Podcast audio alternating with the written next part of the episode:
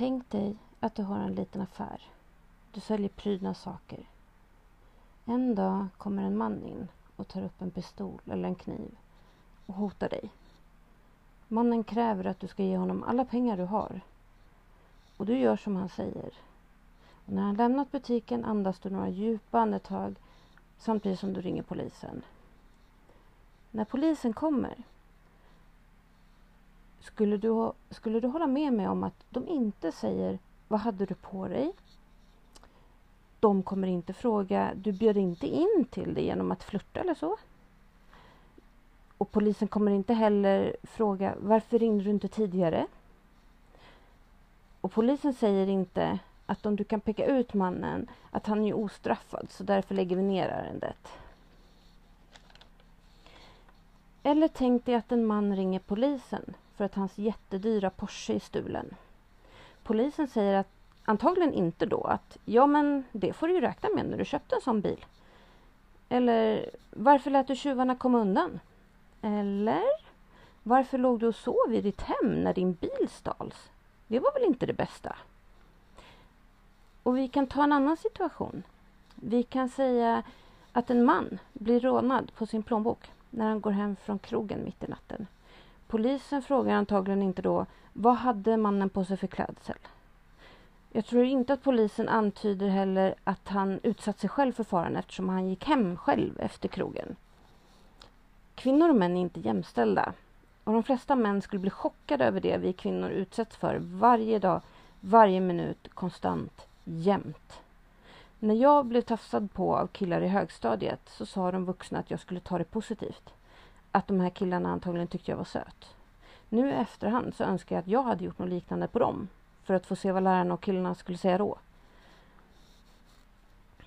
Vi kan ta upp det här scenariot då. Tänk er att en man ringer polisen och säger att hans grannar går över hans tomt konstant. Vi kan väl alla vara överens om då att eh, polisen antagligen inte svarar att han bjudit in till det för att han inte hade staket, helst med taggstråd. Tagg, taggtråd heter det. Eller tänk er en kille eller man som går ensam i Stockholm. Helt plötsligt hoppar det fram ett gäng som börjar slå honom och sen våldtar honom analt. Inte en enda gång i de fall där män utsatts för våldtäkt som jag har läst om så har de aldrig, aldrig, aldrig fått frågan vad de hade på sig. Eller fått kommentaren att han säkert bjöd in till det. Eller att han hade nog velat. Han ville nog fast han ångrar sig efteråt. Det går att ta upp exempel efter exempel på sådana här situationer där män anses mer värda, högre rankade än vad vi kvinnor är och får mer respekt. Vi kan ta att om en man anmäler att de blir misshandlade av sin partner till exempel, då är det större chans att den polisanmälan leder till åtal kontra om en kvinna anmäler att hon blir utsatt för våld av en man i en nära relation. Hur kan vi alla finna oss i det här? Jag vet att vi är otroligt många som kämpar för en förändring. Men vi behöver fler. Vi behöver alla pappor, alla bröder, alla söner, alla manliga vänner som inte accepterar att kvinnor blir behandlade på det här sättet. Vi behöver er. Och Det är på tiden att ni män engagerar er i män. Ni har ett ansvar. Alla män har en mamma, en syster eller en dotter. Alla! Och skulle man fråga de här, äh, skulle man fråga män så skulle de direkt inte vilja att deras dotter eller mamma eller liknande skulle bli behandlad så som vi behandlas. Hur mycket folk än blundar för det här våldet och för alla som tvingas leva med skyddade identiteter, de kvinnor som varje år mördas, det är inte en åsikt. Det går inte att tolka på olika sätt. Det är sanningen och det är svart på vitt.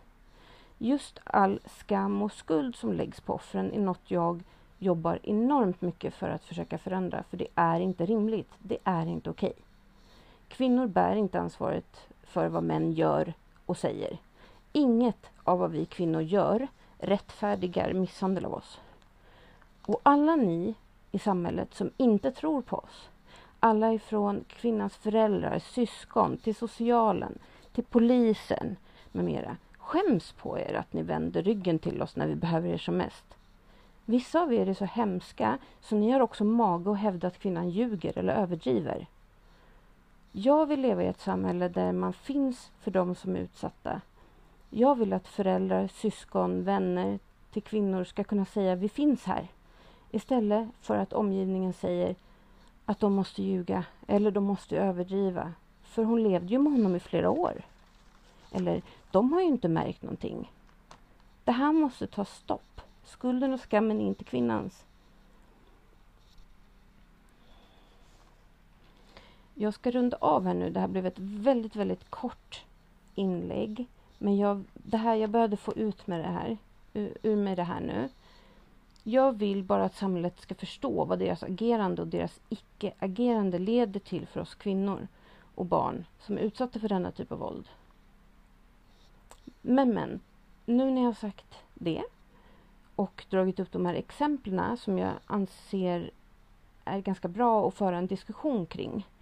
För att män behandlas inte likadant som kvinnor i de situationerna. Snart börjar säsong 4. På måndag den 14 juni, då kommer avsnitt 1. Och på torsdagen direkt efter så kommer avsnitt 2. Men till dess, sköt om er. Och vill ni dela er berättelse i podden så mejla till podd understreck forandring nu outlook.com eller skicka meddelande via poddens Instagramsida. Så, då hörs vi på måndag helt enkelt. Ta hand om er.